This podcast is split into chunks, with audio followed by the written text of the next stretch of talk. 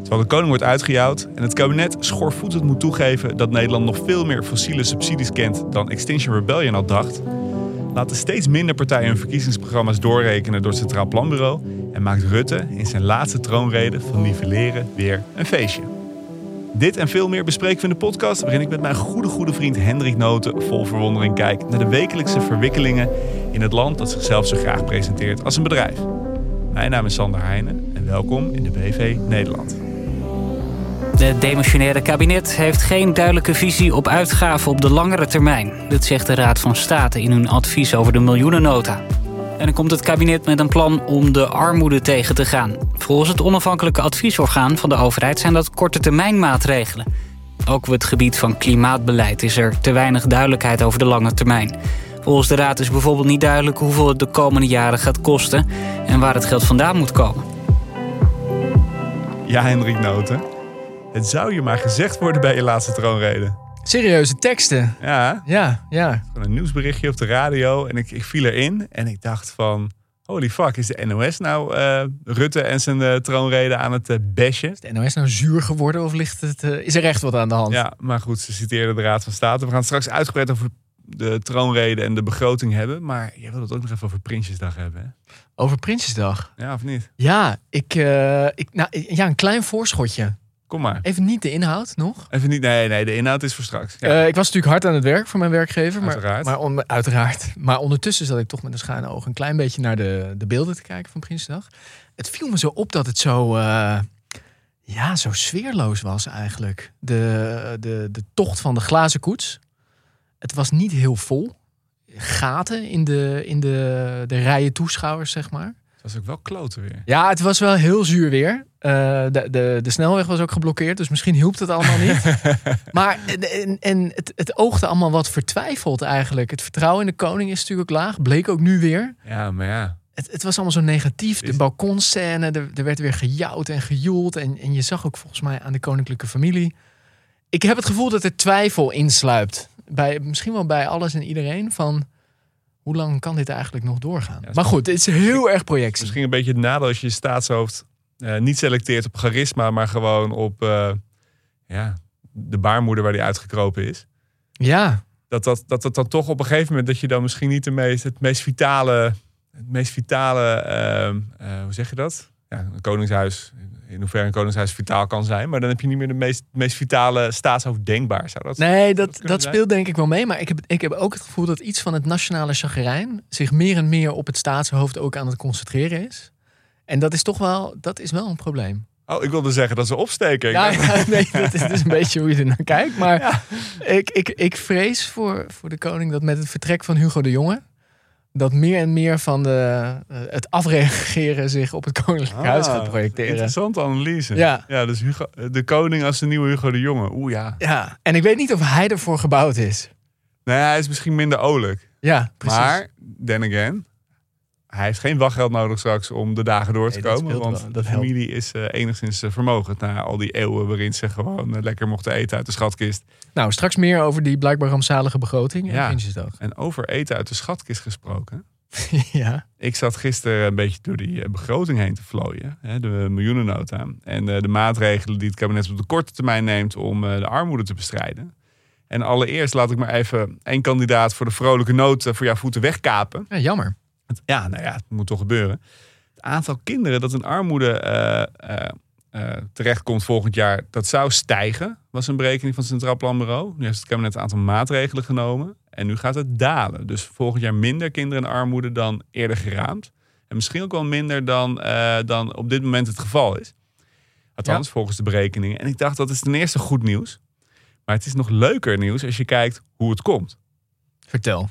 Nou, ehm, premier Rutte, eh, je weet wel, eh, die eh, ooit eh, ehm, eh, hevige krampen in zijn nek kreeg toen, toen een voorzitter van de Partij van de Arbeid zei dat nivelleren een feestje was. Hè, dat was Rutte absoluut niet van gediend. De kandidaat premier Mark Rutte in 2010. Maar de Hij is van gedachten veranderd. Nou ja, Of zijn geheugen heeft hem in de steek gelaten. nou, misschien weet hij dat. Heeft hij daar geen actieve herinneringen meer aan? Dat zou kunnen. Maar in ieder geval, de kinderbijslag gaat omhoog. Dat is natuurlijk een heel gerichte maatregel om kinderen ehm, in arme gezinnen eh, meer geld eh, te geven. Ik denk, eh, volgens mij is het wel inkomensgebonden. Hè? Dat zou jij moeten weten. De kinderbijslag. Ja, Eh, in maanden dat wij minder krijgen dan eh, mensen met een klein inkomen. Volgens mij hangt het gewoon af van hoeveel kinderen je hebt. Oké, nou in ieder geval Hou me te goede, maar kinder- mij echt. de hoor. maximale kinderbijslag kan omhoog en de maximale huurtoeslag kan omhoog. En dat zijn gerichte maatregelen eh, waardoor er minder kinderen in de armoede terechtkomen. Althans, volgens de ramingen van het Centraal Planbureau. Maar het leuke is, en daar komt het nivellerende eh, effect ervan. eh, als je kijkt hoe ze dat gaan betalen, de dekking daarvoor. Ik had het even gemist, maar vanaf volgend jaar. Dat was zeker ook de bedoeling, hè, dat jij het zou missen. Ja, Dit, ja. dit deel wordt vaak wat minder uitgebreid in de, in de infographics en in de speech. Maar waar, waar wordt het van betaald? Nou, eh, het eh, eh, hoge tarief, de hoge belastingschijf. De inkomstenbelasting hebben we twee belastingschijven. hè. We hebben het lage tarief, wat we tot nu toe voor de eerste 73.000 euro over zijn inkomen betalen we het lage tarief. Kom je daarboven, betaal je daar 49,5% belasting over. Dus dan betaal je wat hoger belastingbedrag. En dat zou, had ik eerlijkheidshalve ook gemist, dat zou volgend jaar omhoog gaan van de 73.000 euro nu naar 80.000 euro. Dus dan ga je later pas het hoge tarief betalen. Precies. Dus hou je veel meer geld over. Daar hou je meer geld over, ja. Dat is, en dat scheelt serieus geld, hè? over 7000 euro een eh, lager tarief. Nou gaan ze eh, dat nu niet meer ophogen naar 80.000, maar slechts naar 75.000. Wat betekent dat de hoogste inkomens, waarvan toch wel een substantieel deel eh, tot de VVD-achterban zal behoren, dat die inderdaad een, een, een eh, eh, belastingkorting die ze zouden krijgen, eh, ja, dat die gewoon veel, veel lager uitpakt. En eh, dus het was Rutte bijna gelukt om alsnog die 1000 euro die hij ooit had beloofd aan ons allemaal. Hè? Weet je nog, dat was ook 2010. Heeft hij waarschijnlijk ook geen actieve herinneringen meer aan. Maar ooit zei Rutte, ik geef alle Nederlanders 1000 euro terug als ik premier word. Nou, dat ging hem niet lukken. Maar het ging hem wel lukken voor de hoogste inkomens bij de komende begroting.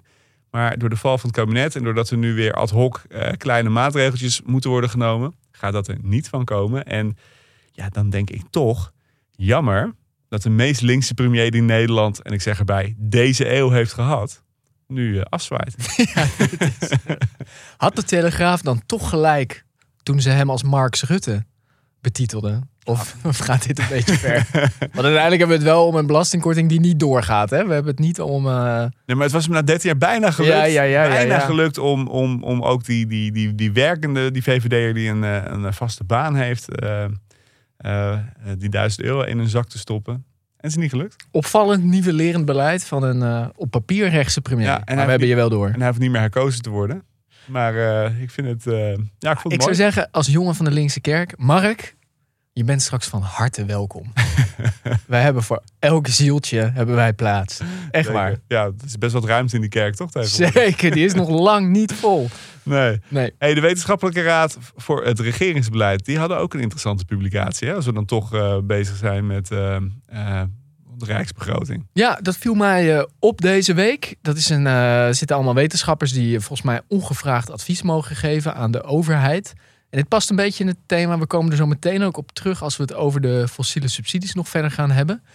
Ehm, maar eh, die hebben eigenlijk onderzoek gedaan naar hoe eh, het beleid dat de overheid voert eh, rond met name grotere bedrijven, hoe we daarmee omgaan, hoe we die willen helpen, stimuleren, whatever.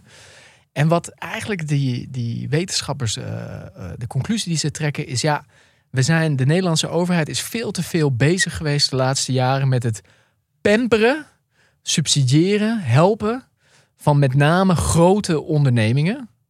Dus heel erg de wortel, als ik het zo maar even mag eh, noemen.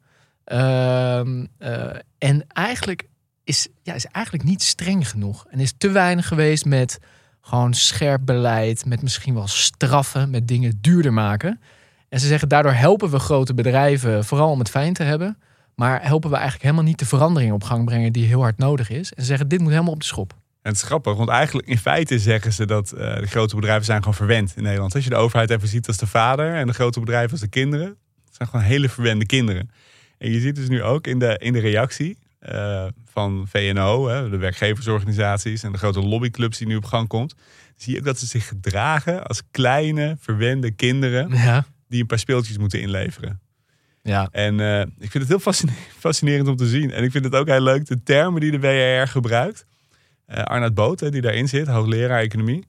Die zei letterlijk, we moeten bedrijven weer in hun kracht zetten. Zei die dat? Ja, en dat doen we. Dat is een lekkere management Een jargon. HR-term. Ja, precies.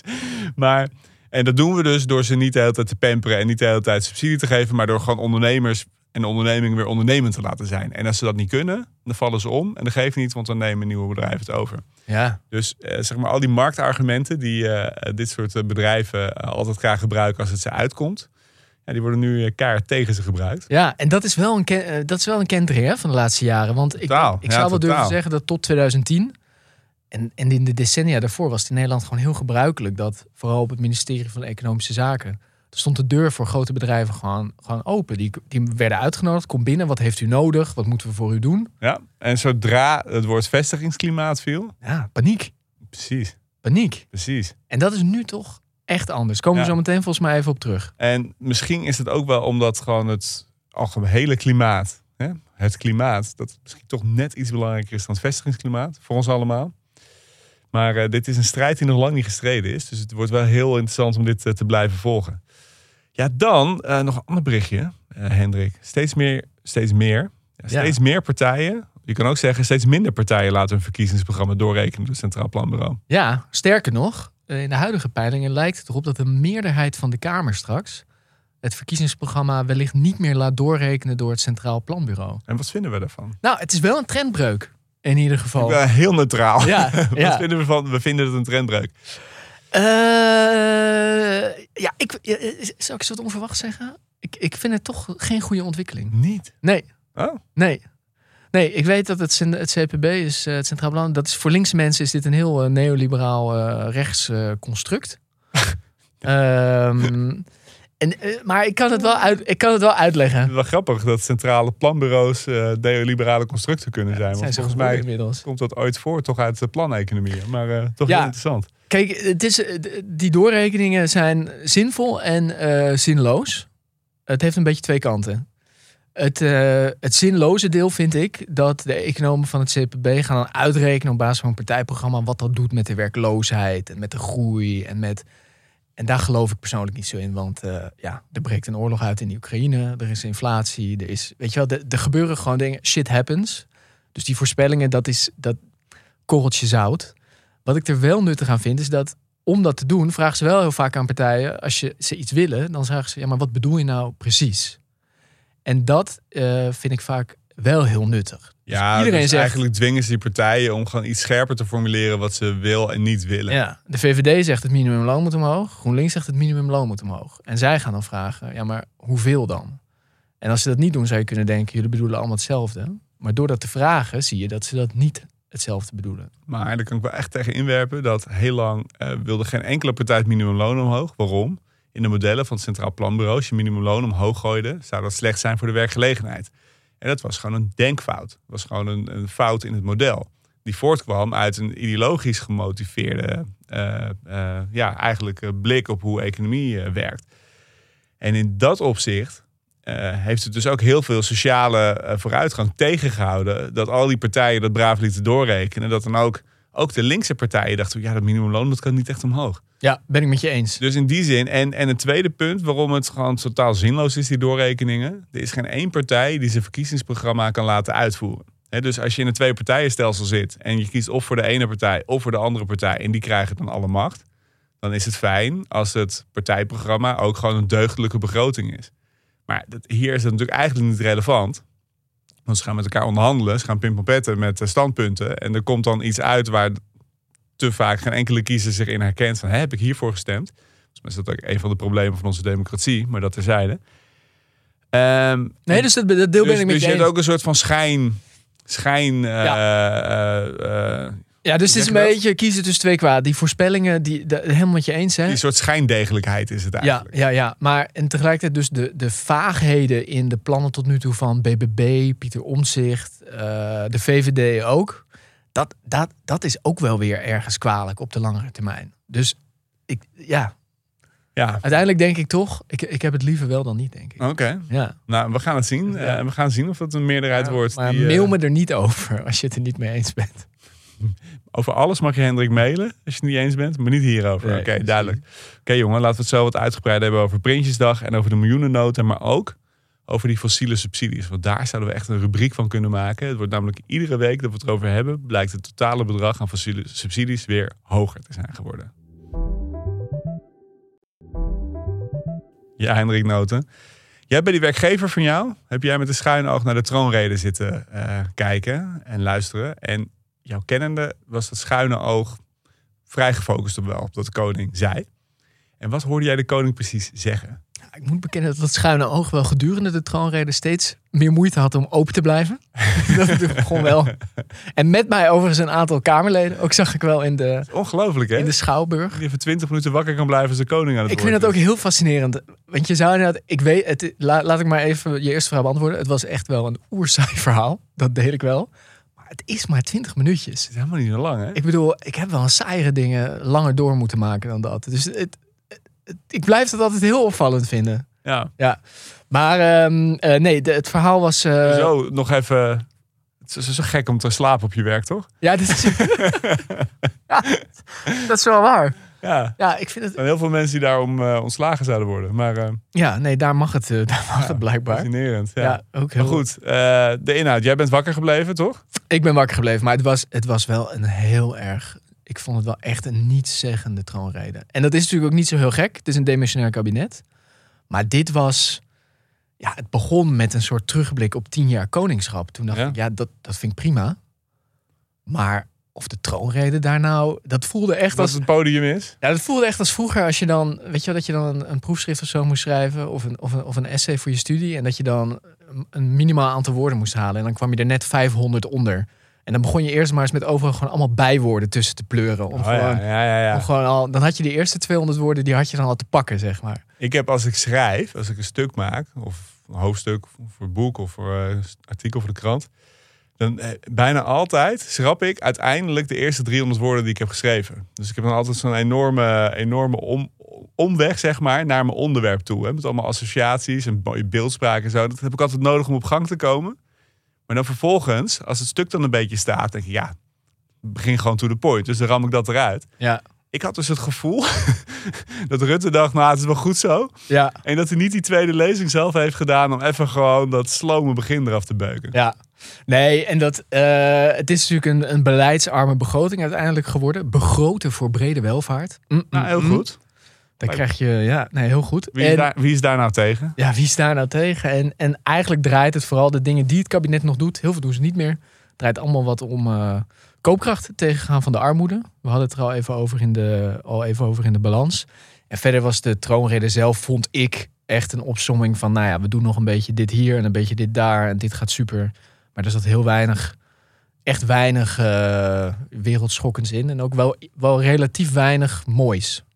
Weinig van een, van een soort visie of, of een... Ja, maar ik vind ook, Verhaal. ik vind ook wel, als jij, als jij 13 jaar lang als premier als motto hebt eh, voorgehouden aan de bevolking dat je voor visie naar de oogarts moet en dat dat niet iets is eh, waar jij voor staat, dan zou het ook wel gek zijn om je allerlaatste troonrede, als je demissionair bent, opeens met een, met een splijtende visie op eh, de komende eeuw voor Nederland te komen, toch? Ja, nee, dat, dat, dat, dat, dat klopt. Dat, maar ja, mensen... Het zou wel mogen- verrassend zijn geweest, zou leuk zijn geweest. Precies, je had ook echt iets heel geks kunnen doen juist. Ja, en misschien dat mensen hadden gedacht, oeh, kan, kan die man niet nog even blijven? Precies. Of het lekker gewoon iets heel creatiefs eh, in de vorm van een ABC'tje kunnen doen. Nee, gebeurde allemaal niet.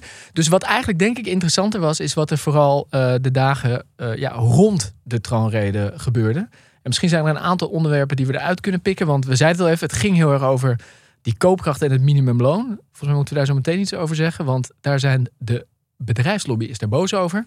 Maar nog belangrijker is iets, denk ik, wat ook in de begroting verpakt zat. En dat gaat over de fossiele subsidies. Ja, en voor iedereen die dat gemist heeft en die niet door heeft dat eh, A12 eh, inmiddels permanent wordt bezet. Hè? Ja, elke dag tot nu toe. Elke dag de A12 bezet. Het was eerst één keer per maand volgens mij door Extinction Rebellion. En ja, daarom zei ik al, daar hadden we een rubriek van moeten maken van hoeveel, subsidie, hoeveel fossiele subsidies geven we deze week weg hè, aan het eh, bedrijfsleven, aan de samenleving. Want het begon volgens mij ooit met een eerste som dat het 17 miljard was hè, van Extinction Rebellion. Zei het kabinet, nee, nee, het is veel lager, zo 4, 4,5 miljard. Nou, Extinction Rebellion, iedere keer dat ze opnieuw gingen rekenen, werd het bedrag hoger.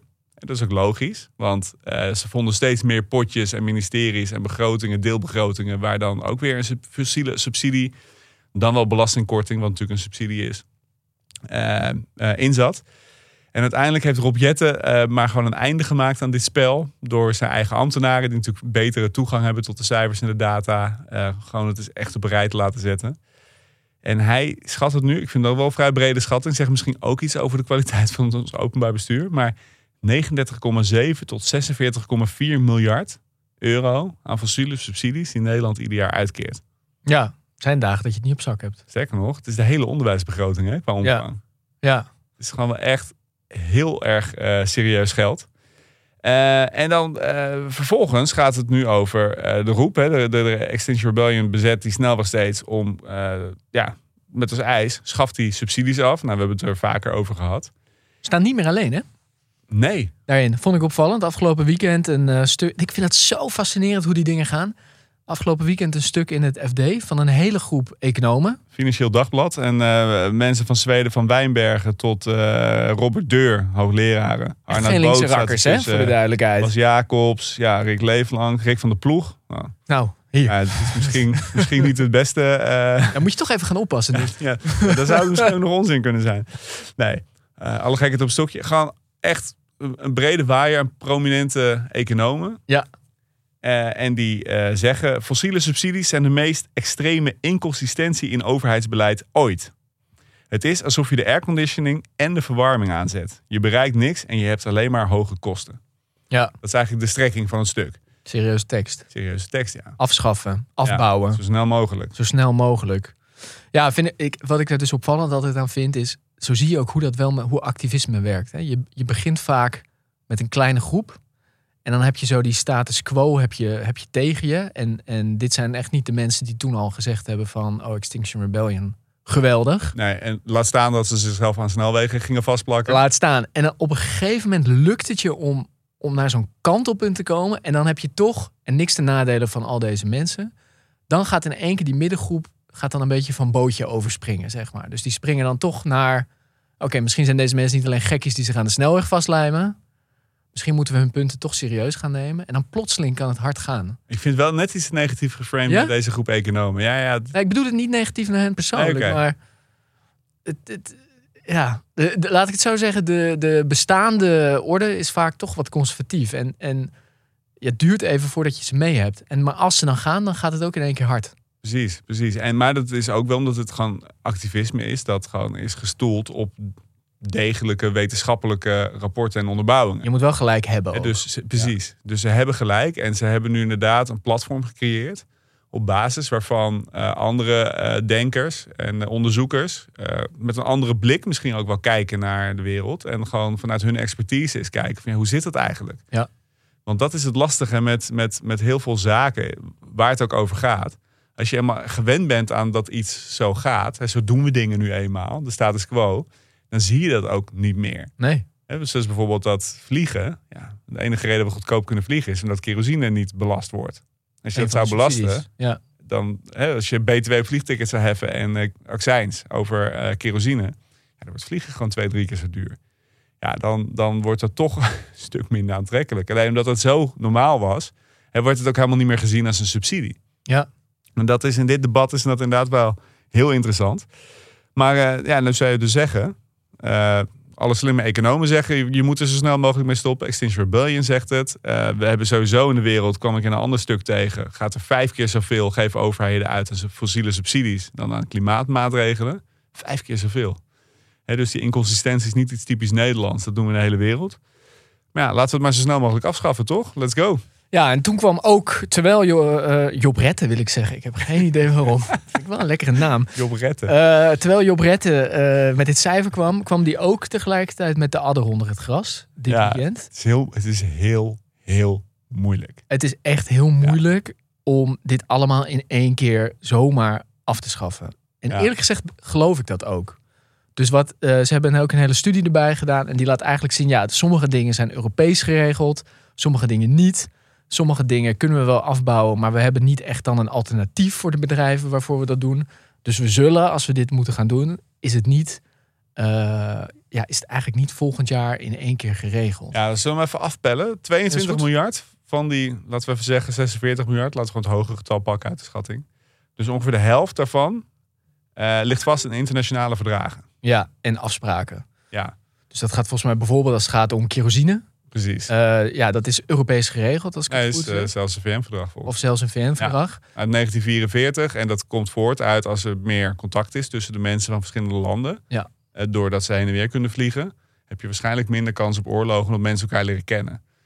Nou ja, kan je, kan je denken. Ja, je kan ook denken toen de tijd. Ja. Goed opportunistisch gedacht van de vliegtuiglobby jezelf als vredesproject zeker, uh, zeker. Nou, neerzetten.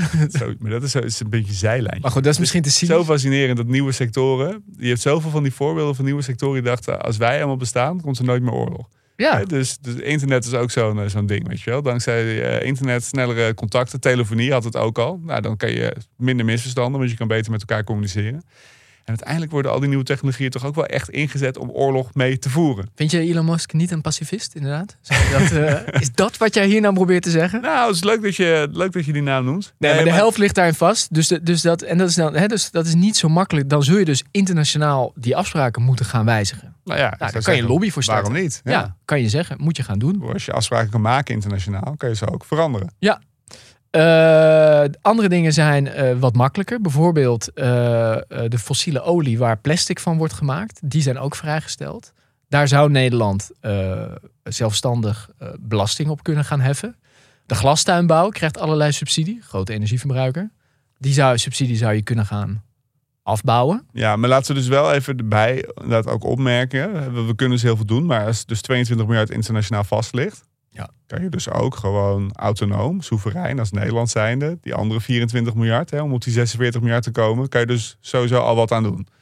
Laten we dat ook even niet vergeten. Hè. Het is niet allemaal moeilijk. Nee, en ik vind ook voor die 22 kan je ook wat gaan doen. Precies, daar, dat duurt misschien iets langer, daarvoor moet je dat gaan lobbyen. Ja. Maar alsnog, hè, het kabinet zei niet tijdens die troonrede van, nou ja, die 22 miljard is misschien iets moeilijker, gaan we voor lobbyen, gaan we mee beginnen. Die andere 24 miljard die schrappen we nu uit de begroting. Nee, dat klopt. Zo ging het niet uh, gisteren, toch? Nee, nee, nee, nee, nee. Nee, en ook voor die anderen. Ik, ik wil daar wel... Ik zou daar ook wel bij... Want wat het kabinet wel heeft gedaan... Hè, bijvoorbeeld voor de glastuinbouw kan je zeggen... Uh, kappen met die subsidie. Die moeten veel sneller gewoon elektrisch worden. Maar wat oprecht een probleem is... is dat op heel veel plekken op het elektriciteitsnet... is geen plek voor extra elektriciteit. En wat het kabinet wel heeft gedaan... is ze hebben bijvoorbeeld wel gezegd... we gaan 12 miljard investeren in het verzwaren van dat elektriciteitsnet. zodat er meer stroom doorheen kan stromen, zodat meer bedrijven van fossiel naar stroom over kunnen stappen. Dus ik, ik ben er ook weer niet zo negatief over in die zin. Ze zijn best wat dingen aan het doen al, waarvan je zou kunnen zeggen, nou, je bent de voorwaarden aan het creëren om, om dat deel wat je kan doen, om dat gewoon wel af te gaan bouwen binnenkort. Precies. En om het nog moeilijker te maken, als je dan bijvoorbeeld zo'n voorbeeld neemt als de glastuinbouw. Uh, als je kijkt hoeveel uh, voedsel die van een vierkante meter kunnen halen. Dat, dat is echt ongekend. Dat gaat echt om een factor, vaak om een factor 5 tot 10 meer per vierkante meter dan met traditionele uh, uh, niet-intensieve landbouw. En als je dan meeneemt dat berekeningen, als je echt iets wil doen aan bijvoorbeeld CO2 uit de lucht halen, ze veel meer grond moeten vrijspelen voor bos. Gewoon teruggeven aan de natuur. En eigenlijk zou dus heel veel landbouwgrond moeten teruggeven aan de natuur. En dat kan makkelijker als je op een paar plekken heel intensief heel veel voedsel kan produceren. Sowieso stoppen met vlees eten eigenlijk, hè, want veevoer produceren, dat neemt heel veel landbouwgrond in. Maar je zou dus ook, uh, het zou dus ook een duurzaam uh, model kunnen zijn, ja. waarin je juist veel meer glastuinbouw hebt, geconcentreerd op plekken. En dan heel veel landbouwgrond terug kan geven aan de natuur. En dit soort afwegingen, en dat is natuurlijk ook meteen waarom het moeilijk is. Die kan je eigenlijk alleen maar maken als je een soort wat grotere, liefst mondiale visie hebt op hoe je dit soort systemen wilt organiseren. Maar voor Nederland ook al, hè? Want wat je volgens mij heel goed gewoon ziet, is hoeveel last wij in toenemende mate hebben van het feit dat wij ooit de grootste gasbel ter wereld hebben ontdekt. Ja, in Groningen. Was, was, was een leuke tijd, hè? Ja, dat was een mooie ja. tijd. Hebben we nu op best wel een paar plekken hebben we er spijt van. Vooral op de plek waar die gasbel gevonden is. Ja, dat in de dat, eerste dat plaats. Wel een beetje zuur. Maar in de tweede plaats is het natuurlijk ook... die gasbel heeft ook ervoor gezorgd dat wij heel lang eigenlijk... heel energie-intensieve economie hebben kunnen bouwen. Heel goedkoop. Ja, aluminiumsmelters, uh, Ja. staalfabriek als Tata, Voor zo'n klein land. glastuinbouwers. Nou, maar kijk, alle chemieverwerking rond de haven van Rotterdam... eh, in, het, in het zuiden, Gemmelot, zeg maar. Dat is allemaal ook hoge chemie. Heel in- energie-intensief. En dat loopt gewoon op zijn einde. En wat je eigenlijk nodig hebt, en volgens mij ontbrak dat ook heel erg in de troonrede, is een idee van: oké, wat betekent dat gewoon voor onze economie, zeg maar?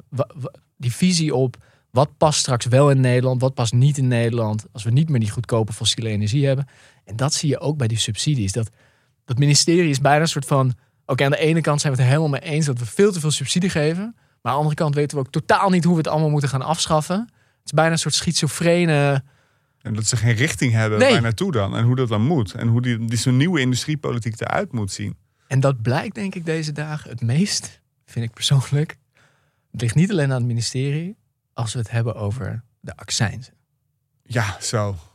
Mogen we daar dan even Ja, naartoe? zo daar even de, Want dus- dat is toch een soort teken van, Ja, dus wat even- wil je nou? Dus even, hè, om eh, voordat je losgaat met je Nee, jij En mag ik wil hem- losgaan, ik wil, nee, ik wil, ik- oh, mag ik? Mag ik? Ja, heb, heb ik even. Ja, maar even eerst. Nee, het gaat dus over de brandstofaccijns aan de pomp. Ja. Hè, dus eh, we hebben eh, dat de energieprijzen zo omhoog schoten vorig jaar. En het opeens eh, aan de pomp heel duur zou worden. Volgens mij 2,5 euro eh, per liter benzine. Eh, hebben we een korting gekregen, tijdelijke korting op de brandstofaccijns. Waardoor, eh, volgens mij is het 20, 30 cent of zo eraf. Ja, zoiets. Iets in die orde groot. Ja. Waardoor, het, waardoor het net weer zo rond de 2 euro terecht kwam. En die loopt af, die korting. Ja. Aan het eind van het jaar, hè, denk ik. Volgens mij in januari. Ja. En nu is het gevecht losgebarsten.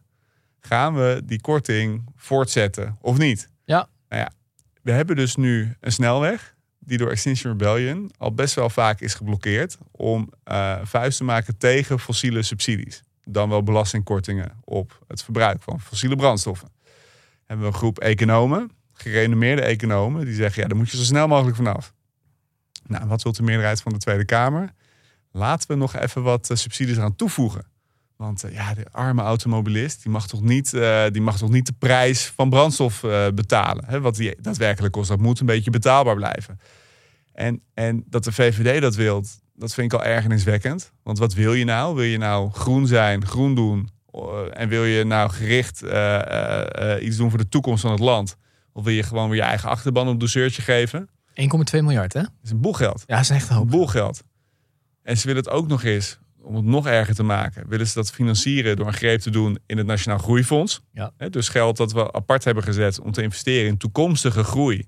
In die economie van de die toekomst. economie van de dat fossiel af moet. Precies, waar we het net over precies, hadden. Precies, precies. Dus in plaats van dat geld dat nu gereserveerd is voor het bouwen van een nieuwe groene economie, Om die subsidies kwijt te kunnen raken. precies, wil je dus nu gewoon dat consumptief gebruiken om lekker door te rijden voor iets minder geld. Letterlijk verbranden. Ja, dus, dus, dus op dat vlak is de VVD nu gewoon ongelooflijk populistisch, kortzinnig en gewoon dom, slecht voor de economie, slecht voor Nederland. Dat kan je gewoon ronduit stellen hier. Wat ik minstens, nee, ik moet, zo, ik moet goed zeggen, Kom op, doe het. minstens zo ergerniswekkend. Ja, Ja, ik wil dat niet in de rangorde zetten, want het zit in hetzelfde hokje in mijn hoofd inmiddels. oké. De PVV en de SP, die zijn het daarmee eens. Ja. Dus die willen dit ook. Waarom? Zij zeggen, ja, maar eh, Henk en Ingrid, dat is dan eh, de PVV, bij SP hebben ze daar geloof ik geen naam voor, maar gewoon de arbeider, die in de ploegendienst zit en die niet met de bus kan, ja, die moet wel met zijn autootje naar zijn werk kunnen. Dus moet die brandstofprijs laag blijven. Alleen als je gewoon, er zijn uitgebreid onderzoeken naar wie profiteren er het meeste van die 1,2 miljard eh, korting op die brandstofaccijns? Dat zijn de mensen met de dure auto's. Dat zijn de mensen met de hoge inkomen. Die profiteren er buitengewoon, eh buitenproportioneel meer van dan die mensen met die kleinste inkomens. Die allerkleinste inkomens hebben geen auto's. Precies, dit geldt overigens dus voor alles in snelwegen, investeringen in asfalt eigenlijk. Alles wat je in de, ja, precies, Is allemaal voor de hoogste 25% is dat het best. precies. Die profiteren er het meest van. Ja. Dus wat je heel simpel zou kunnen doen als je het je te doen is om die mensen met die laagste inkomens die anders met hun ploegendienst niet naar werk kunnen, als ze de brandstof niet kunnen betalen, verhoog die fucking reiskostenvergoeding voor die mensen. Bijvoorbeeld, ja. Hè? Geef hen, geef hen dat miljard. Ja, Geef dat dan aan hen. Doe dat dan gericht. In plaats van dat je, dat je soort van eh paraplugeld of wat is het, eh, parachutegeld uitstrooit die voornamelijk bij de hoogste inkomens terechtkomt. ja. En, en gewoon het feit, het feit dat, dat, dat een SP dit niet durft uit te leggen. En ik heb, echt, ik heb echt veel sympathie voor die partij. Maar het disqualificeert ze gewoon. Ze zijn dus niet voor de linkse zaak. Ze zijn dus niet voor het nivelleren. Maar ze kiezen gewoon hier, te proberen de makkelijke weg te kiezen. En ja, ik denk dat het dan ook niet zo gek is. Dat je op een gegeven moment op drie zetels staat in de peiling. Nee, Want zij komen dus niet wezenlijk op voor de mensen waar ze op willen komen op dit dossier. En dat is gewoon heel erg. ja. Nou, Nee, ik ben... Dan mag jij weer. het is gewoon heel, heel erg. Nee, en ik, ik vind het dus ook heel tekenend voor die schizofrenie. En, en ja, je, je komt niet van die subsidies af. Als je ondertussen het geld dat bedoeld is om een economie te bouwen zonder die subsidies gebruikt om fossiel te gaan verbranden. Ik kan er in mijn hoofd. Het is gewoon een clusterfuck in mijn Het- hoofd. Het is, gewoon, het is gewoon echt ondeugelijk. Het lijkt bijna de bestuurlijke situatie bij Ajax wel. Maar dan Poeh, nou, iets minder erg. ja, dat, dat mogen andere podcasts bespreken. Nou, Ik- goed. Ik geef het op. Dus dit, dit hele spel speelt zo rond Prinsjesdag. En is ook met name heel belangrijk voor het nieuwe kabinet. Want één ding is wel duidelijk. Die subsidies en wat ermee te doen. We hadden het de vorige keer over. Het stond bij Balkenende al op de agenda. Maar wellicht staat het nu bij het volgende kabinet echt, echt op de agenda. Het kabinet omzicht van de plas. Ja, en eh, nou, ja, iedereen wilde wat mee. een paar consistente denkers te pakken. Precies, precies. Iedereen wilde wat mee. Maar ik heb nog niet helemaal vertrouwen in de consistentie. Nee, sterker nog, ik heb er vrij weinig vertrouwen in. Maar goed, eh, wie weet, ik laat me graag verrassen. Ik blijf natuurlijk met de open blik kijken. Wie niet met de open blik kijken naar eh, dit soort discussies. Eh, de bedrijvenlobby, VNO, NCW. Ja. Die waren overal, hè? Die waren overal. Ik heb het gevoel dat eh, de zorgen wat beginnen toe te nemen. De zorgen over het vestigingsklimaat, maar ze durven dat niet meer zo te noemen. Nee, eh, de hele politiek heeft het natuurlijk van links tot rechts over bestaanszekerheid. Ik, ik moet zeggen, ik denk dat de- over dat woord al een vermoeidheid gaat optreden voor de verkiezingen. Maar dat is een andere Ja, er valt ook helemaal niks te kiezen. Als iedereen voor bestaanszekerheid is, ja, dan maakt het ook niet uit waar je op stemt. Nee, dus armoede, bestaanszekerheid, het minimumloon, daar gaat het in één keer heel erg over. En je zag de afgelopen dagen dat vooral voor vrouw en voor man Ingrid Thijssen en Jacco Vonhoff van de werkgevers, Respectievelijk eh, VNO, NCW en MKB Nederland. die roerden zich eh, in de Telegraaf, bij, op televisie bij WNL, op de radio volgens mij. Dit zijn de mensen die voor de BV Nederland strijden, hè? Ja, jij, hebt ze jij, jij hoorde Ingrid Thijssen bij Sven Kokkelman? Ja, op de radio. Ja, ik, zat, ik was op weg naar een afspraak. Dat ze waarschuwen, hè? Ja, ze waarschuwen. Ze waarschuwen. Ja, nee. En zij is, ook voor, zij is ook voor bestaanszekerheid, voor de goede orde. Tegen armoede. Tegen armoede, ja, dat is ook tegen. En, zei ze, ze sprak de legendarische woorden... ehm, we moeten zorgen dat mensen zich weer uit de armoede kunnen werken. Ja, die vind ik interessant. Ja, vind ik kan mooi. niet meer. hè? Je kan Nee, je niet meer nee, uit de armoede nee. werken. En toen dacht ik, logische vervolgvraag, dacht Sven overigens ook... Nou, dan moeten de loon omhoog. Die kan daar het best wat aan doen. Ja, als de werknemers wat meer verdienen, dan kunnen ze misschien wat makkelijker uit armoede werken. Maar dat was te makkelijk gedaan. Het is niet zo zwart-wit. Nee, nee, je moet het niet zo simpel zien, want werkgevers hebben het ook moeilijk. Ja, dit vind ik heel mooi. Het spel wat daar eh, volgens mij echt gespeeld wordt. En, en nou ja, mocht je dus nog een keer eh, ergens lezen of horen, let daar eens een keer op. Is dat die werkgevers zeggen, ja, wij vinden het ook erg. Dus we zijn het met het probleem eens. Maar het punt is niet dat we mensen meer moeten betalen. Het punt is dat we het mensen mogelijk moeten maken om meer te gaan werken. En eigenlijk als je nu meer gaat werken, dan hou je er heel weinig eh, aan over. Maar ja, als, als we daar nou wat aan doen, dan als jij arm bent, kan je meer werken. Heb je Ja, meer en voor een, voor een deel is dit een terecht punt. Hè. Het- Zoals het toeslagensysteem nu is ingericht, eh, heb je ook gewoon een drempel. Als je net onder die rand zit dat je nog je toeslagen hebt. Als je dan een paar uur meer gaat werken, verlies je toeslagen. En dan ben je daadwerkelijk, heb je netto, hou je minder over. Dus het is niet helemaal onwaar. Alleen als we die toeslagen zomaar zouden afschaffen, dan duw je gewoon een heel groot deel van de Nederlandse bevolking echt in de armoede. Zoals ook in de Verenigde Staten en het Verenigd Koninkrijk is gebeurd. Want die, daar heb je dezelfde ontwikkeling op de arbeidsmarkt, dezelfde dynamieken qua inkomen. Alleen heb je daar geen toeslagen. Ja. Waardoor de kaaslag gewoon veel en veel groter is. Ja. Dus je moet het iets slimmer doen dan dat. En het is niet helemaal onwaar. Alleen als je dan vervolgens kijkt, hun oplossing is gewoon lagere belastingen op arbeid. Maar er mag niet worden gecompenseerd met hogere belastingen op kapitaal. Nee. En uiteindelijk eh, ja, wordt dat wel ingewikkeld. Want waar moet je dan bezuinigen? Daar gaan wij niet over, zeggen ze dan. Nee, daar heeft ze overigens een maand geleden wel in een interview zich wat over laten ontvallen. En wat was het ook alweer? Minder ambtenaren. Minder ambtenaren. Ja, Ja. ja, lijkt me ook wel goed. Nee, Ja. dus dat, dat, daar zie je dat het verzet inderdaad eh, op, die manier, op die manier komt. Ik, ik weet niet of het ze gaat lukken, maar overigens met die toeslagen, wat je zegt, dat is zo waar. Er wordt heel vaak gezegd van, er zijn mensen die eh, dan, als ze dan meer gaan werken, dan moeten ze daar 80% meer belasting over betalen in totaal. Dus ze houden netto bijna niks over. Klopt ook, hè? Weet je voor hoeveel procent van de mensen dat zo is? Laat me raden. Niet, het zijn niet zo heel veel. Niet zo heel veel. 2%. ja, precies. Dus het ja. is niet helemaal onwaar. Nee. Maar het is wel voor heel veel mensen wel onwaar. Net geen NS1, Ja, maar nee. het is wel NS2%. Ja, ja, ja, het is een, eh, ja, precies. Dus dat is ook zo'n voorbeeld dat het een beetje uit zijn verband is gerukt. Ja, dus, Ja, ik heb eh, ook niet de indruk dat ik, eh, als ik net iets minder zou werken, dat ik dan toeslagen kan aanvragen en opeens beter af. Precies. Dus het wordt ook wel een klein beetje overdreven om maar eh, het, het debat van die lonen weg te houden, zeg maar. Ja, nee, maar, maar, maar het punt is dus wel, en dat vind ik heel interessant, en dat wil ik gewoon eens aan jou vragen, want ik denk dat jij daar iets van vindt. Ja. Wat is aan de hand? Jij kent die Ma- de Mali-toren. Als, je, eh, als de A12 open is, kan je eh, daardoor Den Haag inrijden. En voordat je in het bestuurlijke hart bent, staat er een soort over de eh, A12 heen, staat er een soort gebouw van staal en glas. Eh, die staan als een soort poortwachter, houden ze in de gaten. Wie gaat er naar het binnenhof, wie niet? Althans met de auto dan. En eh, dat is de Maliktoren, daar zitten de werkgevers verenigd. En daar zit de werkgeverslobby. Daar heb jij gewerkt bij de Ja. Algemene Werkgeversvereniging Nederland die daar zitten. Jij kwam ook al die eh, VNO-types eh, steeds tegen in allerlei overlegjes waar je in zat. Die hadden altijd best wel een effectieve lobby. Maar nu, als je gewoon Ingrid Thijssen hoort praten... en ik weet dat jij te beschaafd bent om dit te benoemen... maar die zegt gewoon best wel vaak best wel domme dingen. Mm. Die spreekt zichzelf gewoon... die zit me nu heel neutraal aan te kijken. Terwijl je gisteren aan de telefoon hele andere dingen zei.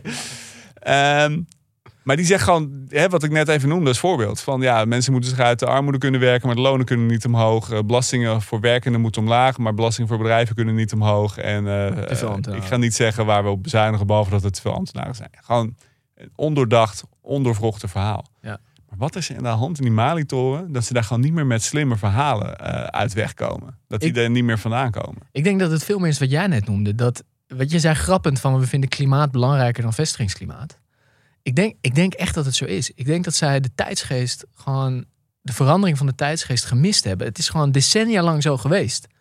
Dat die grote bedrijven, dat was gewoon de kern van ons kabinetsbeleid. Zorgen dat die grote ondernemingen, Philips, Hogo, Tata, eh, DSM, eh, en nu, eh, dat, die het, dat die het goed hadden. eh, dat die wilden blijven. En dat was een soort automatisme.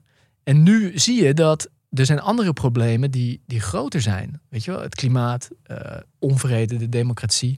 Het is dus niet meer vanzelfsprekend dat die bedrijven het voor het zeggen hebben. En ik heb het gevoel dat zij die vanzelfsprekendheid van... ja, maar wij doen er toch toe. De, de economie draait toch op ons. Ik zag het ze weer zeggen in de krant ook vandaag. Zeker. Wij zijn de geldmotor van het land. Dan denk ik, ja, maar jongens, de- daarmee kom je er niet meer. En, en de, zeg maar, zij hebben zich gewoon niet aangepast aan dat de politiek en de samenleving, want de politiek ook, gewoon meer van ze eist. Van je moet met betere verhalen komen. Je moet je ook gaan aanpassen. Ik denk dat ze dat niet door hebben gehad. Dus, dus mijn stelling was eigenlijk, er werken geen slimme mensen meer. En jouw stelling is, ze hebben er nooit gewerkt. Alleen hun verhaal sloot een tijdje goed aan bij de tijdsgeest en nu niet meer. Dat is een goede samenvatting. Dat is echt een uitstekende samenvatting. Ja, Nou, ja, hoe gaat het aflopen? ja. Nee, dat, eh, ik, ja, ik, het ziet er slecht voor ze uit. Hebben we nog, hoeveel zitten we nog in de tijd? Want ik wilde nog iets over Pieter Omtzigt zeggen. Maar, nou, eh, eh, ik, ik dacht, we kunnen misschien onze luisteraar deze week iets eerder het weekend insturen. Dat we iets eerder ah, stoppen. ik houd kort. Maar, als het over Pieter Omzicht gaat, Ja, dan denk ik dat die luisteraar graag nog een paar minuten extra eraan vastplakt. Ja. Dus kom maar door. ja Wat kijk, heeft Sint-Pieter uit Borne nu weer gedaan? nou, ik vind het goed. Maar we gaan zo meteen bij de reacties op terugkomen. Dat wij een beetje kritisch blijven op Pieter Omtzigt. Heel goed. Gaat, gaat bij mij vrij natuurlijk Ja, overigens. eh, Ja. Afgelopen weekend zat hij bij eh, Buitenhof. En hij zat ook bij Humberto. Hij is begonnen met een eerste media-ronde deze week. ja, mooie offensieve campagne. Ja, de meningen liepen eruit heen, maar ik vond het dus een heel vaag optreden. Ik vond het een heel wazig optreden. Verklaar je u nader. Onze eerste analyse was, buiten zijn comfortzone wordt hij al snel, gaat hij zichzelf tegenspreken, wordt hij een beetje inconsistent. En dat zag ik nu op televisie, zag ik dat eigenlijk ook weer gebeuren. Want Pieter Omtzigt werd gevraagd van, wat bedoel je nou eigenlijk met bestaanszekerheid? En wat hij daarover zei was van, ja, ik, eigenlijk zei hij, mijn gedachte was van, nou, je, je bedoelt dat het minimumloon een beetje omhoog moet en dat mensen wat meer te besteden hebben. Maar eigenlijk zei hij van, nee, want het gaat ook om dat de energie niet te duur wordt en dat wonen niet te duur wordt en dat voedsel niet te duur wordt. En dat Ja, is allemaal waar. Ja. Ben ik allemaal voor te porren. Je moet of eh, hoger inkomen of lagere kosten hebben. Zo is het. Ja. Alleen het ene is vrij makkelijk te fixen. En het andere zijn een soort enorme systemen die je, wil, eh, die je wil omgooien. Maar wat hij daar begon te doen, was dat hij zei van ja, want kijk, ons minimumloon, dat is al heel hoog. Bijvoorbeeld veel hoger dan in landen als Spanje. ja. En wij moeten onszelf niet de markt uitprijzen tegen Spanje. Maar toen dacht ik, ja, maar Pieter, het leven is in Spanje ook een stuk minder duur. Dus dat het minimumloon in Nederland hoger is dan in Spanje, dat is natuurlijk niet zo gek. Heeft een reden. Ja. Dat heeft een reden. Het gaat er natuurlijk om hoe hoog het is ten opzichte van de van levensstandaard. het leven, ja. Precies. Nou heeft de Kamer ooit een motie ingediend die zei... wij willen dat het kabinet alleen nog maar over armoede praat... in termen van hoeveel heb je ten, koste van, ten opzichte van de kosten van de levensstandaard. Ja. Dat vinden we een veel zinvollere manier om daarover te praten. Wie denk je dat die motie toen heeft ingediend? Nou, ik eh, kan het eh, wel raden. Zal, zal ik voor de, voor, de, voor de gein eens een verkeerde naam noemen, zodat jij de, me kan Nee, je mag hem ook... Ja, Pieter Omzicht, ja, Kamerlid uit Borne. Ja, dus dan zit hij aan de ene kant zit hij daar zijn, zijn, dat, dat minimumloon een beetje te zeggen van ja, het moet allemaal niet te hoog en niet hoger dan Spanje. Terwijl die een half jaar of een jaar geleden het kabinet om precies diezelfde denkmanier. Ik kan zeggen voortschrijdend inzicht. Ja, voortschrijdend inzicht. Ja, ja, ja. Daar, daar heeft hij zelf, denk ik, onze premier, afzwaaiend premier, wel eens wat kritischer naar gekeken dan dat voortschrijdend inzicht te noemen, denk ik. Ja. Goed, wilde ik even benoemen. Als in, eh, ik denk dat hij er nog steeds niet over uit is. Misschien ook een rubriekje van maken. eh, de, de inconsistenties in het denken van eh, Pieter Omzicht. Maar Ja, vindt hij niet leuk. vindt hij niet leuk? Wie wel leuk vindt dat er een rubriekje over hem is, weet ik uit betrouwbare bron. Is de voorman van de Sociaal-Democratische Beweging. En daar gaan we nu naartoe. In Brussel zit die Timmermans. Vous insistez, le président et moi, on peut aussi Dat noem ik de groene gek. Die is helemaal losgeslagen. Die Green Deal is niet een blauwdruk. Maak hem nou niet zo groot. essere sicuri che nel futuro Nou, maak hem nog niet zo groot als hij de ruimte krijgt. Dan, dan, dan ontregelt hij nog erger het land als Kaag ooit kan doen.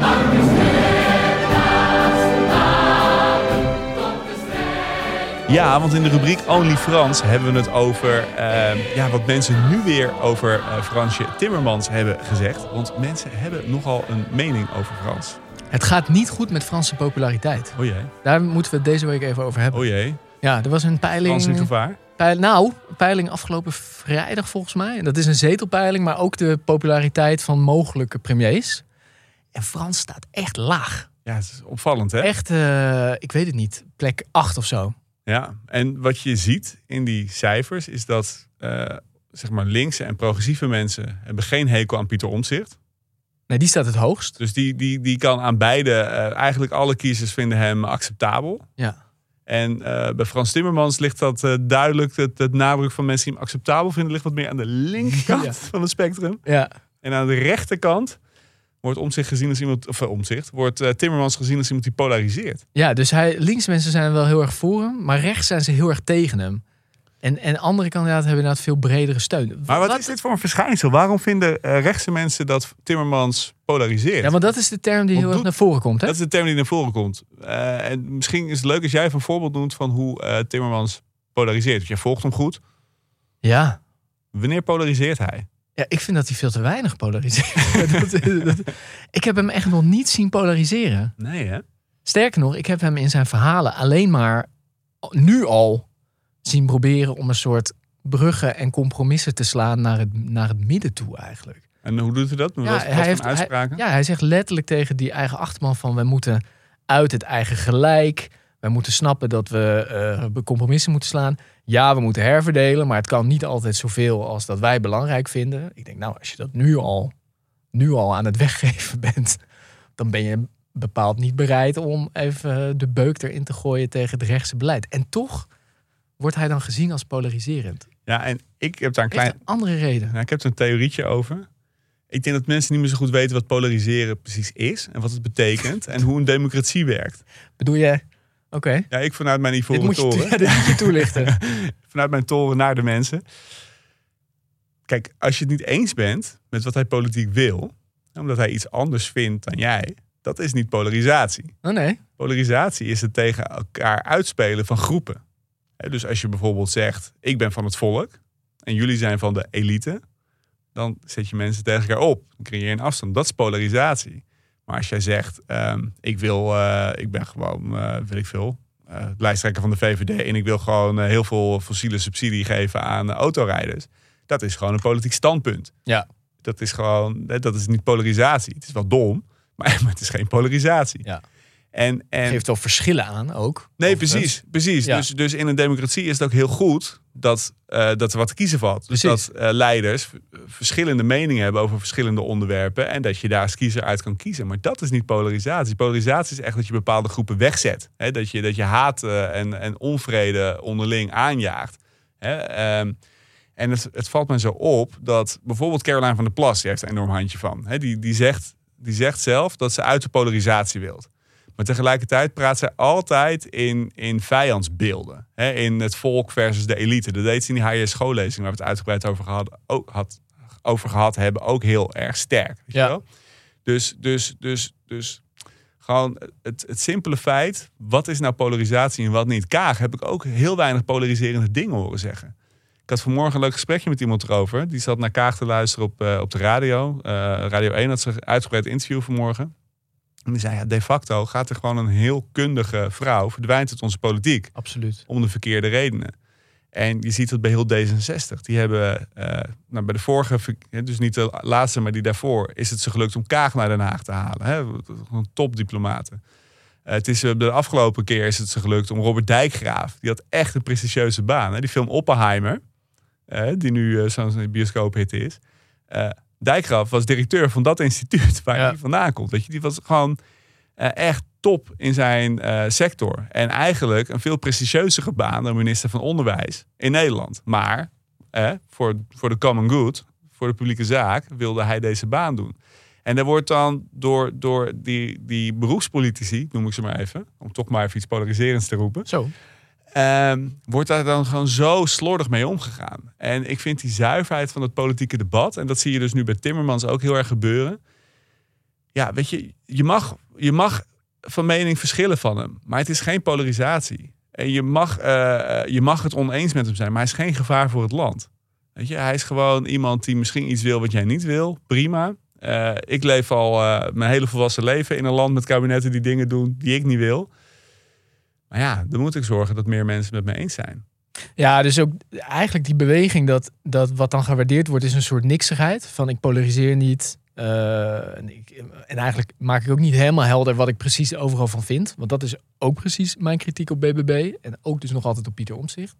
Daar moet je eigenlijk van af. Hè? Je, dat verschil moet er zijn, dat willen we juist. Dat is natuurlijk de kern van de democratie. Precies. Dat is niet het polariserende deel. Het polariserende deel is dat je zegt, jullie zijn allemaal idioten en eikels. Omdat jullie niet vinden wat ik vind. Eh, ja, ik ben het helemaal met je eens. Dus ik, ik ja, laten we hopen eh, eh, dat dit in die zin niet, niet doorzet. Maar het is wel, wel iets om ons toch een beetje zorgen over te maken met elkaar. Dus als we meer zuiverheid willen in, het, in de democratie, dan moet er gewoon die zuiverheid in het debat terugkeren. En laten we hopen dat. en daarom hoop ik ook dat Timmermans niet meer gaat polariseren. Ik hoop dat hij deze lijn doorzet en dat het herkend wordt door de kiezer.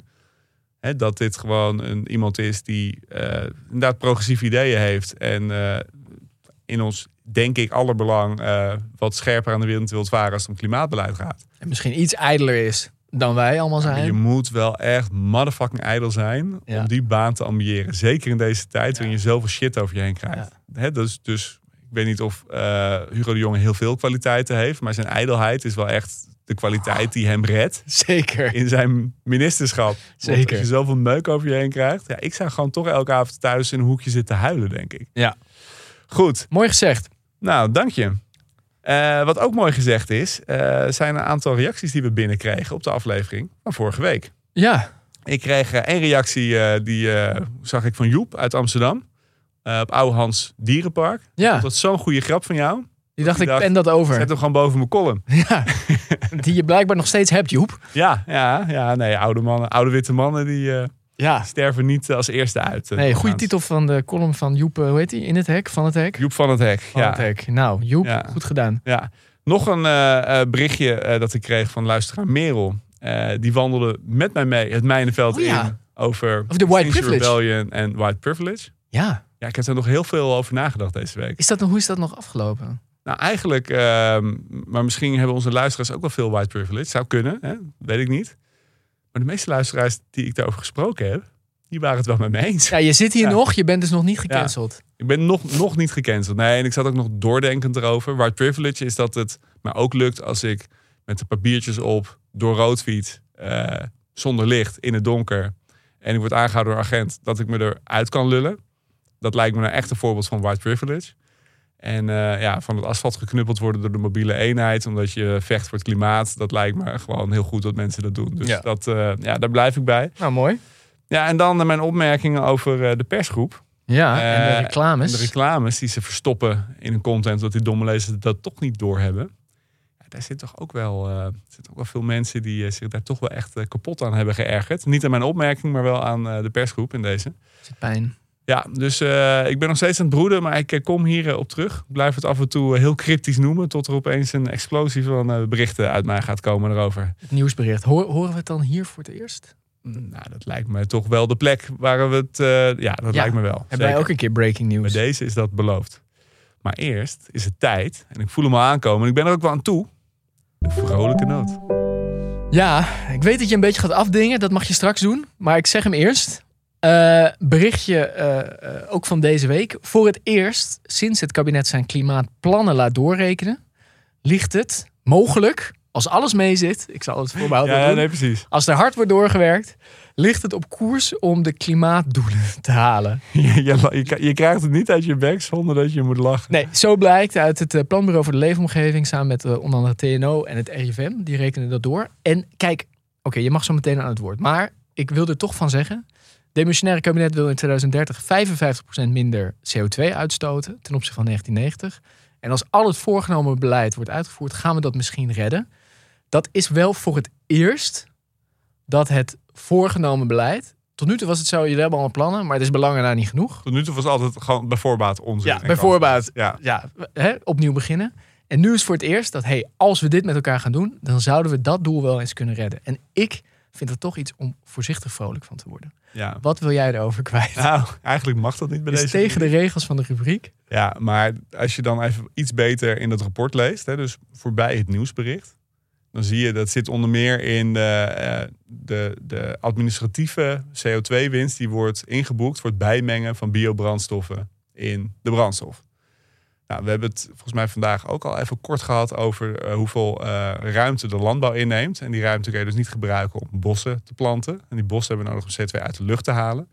Maar naast veevoer zijn we dus ook steeds meer landbouwareaal aan het inrichten om eh, gewassen op te verbouwen die we als biobrandstoffen kunnen verbruiken. Omdat dat op papier leidt tot minder CO2-uitstoot. In praktijk ben je gewoon planten aan het oogsten en verbranden, waardoor je een soort cyclus hebt. Hè, misschien wel een korte koolstofcyclus, maar er blijft gewoon CO2 eh, steeds weer vrijkomen in de lucht. Terwijl als je de bomen neerzet die gewoon laat staan, dan bind je die CO2 daadwerkelijk. Dat zit er bijvoorbeeld in. Verder staat er in het rapport, dan moeten wel alles wat nu op papier staat, binnen de geplande Zeker. tijd naar de praktijk worden vertaald. En het staat op zo'n manier geformuleerd dat, nou ja, je leest dat de onderzoekers denken, gaat nooit gebeuren. Gaat nooit gebeuren, want ze redden nooit eh, dit soort projecten op tijd, binnen de begroting, binnen Maar, de geplande ja, tijd. ja, ja, maar daar ben ik dus hoopvol over.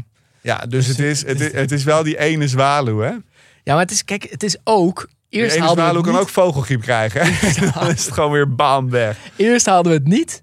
Nu halen we het misschien. Ik zou zeggen, schroef die ambitie nog wat op. Dan over drie jaar komen we in de veilige marge. Dat is hoe ik er naar kijk. Nou, The only way is up.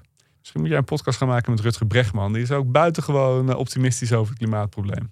Ja, het is... Nou, laat ik dat maar niet. Oké, eh, dus dat was mijn vrolijke noot. Je mag best even zeggen wat er nu in je opkwam. Ik denk dat Rutger en ik qua persoonlijkheden... Ik, ik, ik wil best een vrolijke noot delen, maar zijn soort van fundamentele optimisme, daar, daar krijg ik echt wel heel erg pijn in mijn onderbuik van. Ja. ja. ja, dat dat maar gezegd is. hey, eh, gewoon binnen het uur gaan we afronden. Zeker. Dus zeg ik tegen iedereen dank voor het luisteren. Volgende week zijn we weer met een kakelverse aflevering over alle verwikkelingen, verwikkelingen in onze schitterende BV. En nu je verspreekt, gaan we toch nog over het uur heen. In onze schitterende BV. Heb je vragen, opmerkingen? Kan door te mailen naar bvnederland.creator-podimo.com en het staat ook in de show notes. Of zoek ons op Instagram, bvnederland. Of via LinkedIn, gewoon Hendrik Noten, Sander Heijnen. Kan je ons ook berichtjes sturen? Dan vraag ik alleen, vond je het tof? Deel de aflevering even met anderen. Daarmee gezegd, tot volgende week. Tot volgende week, jongen.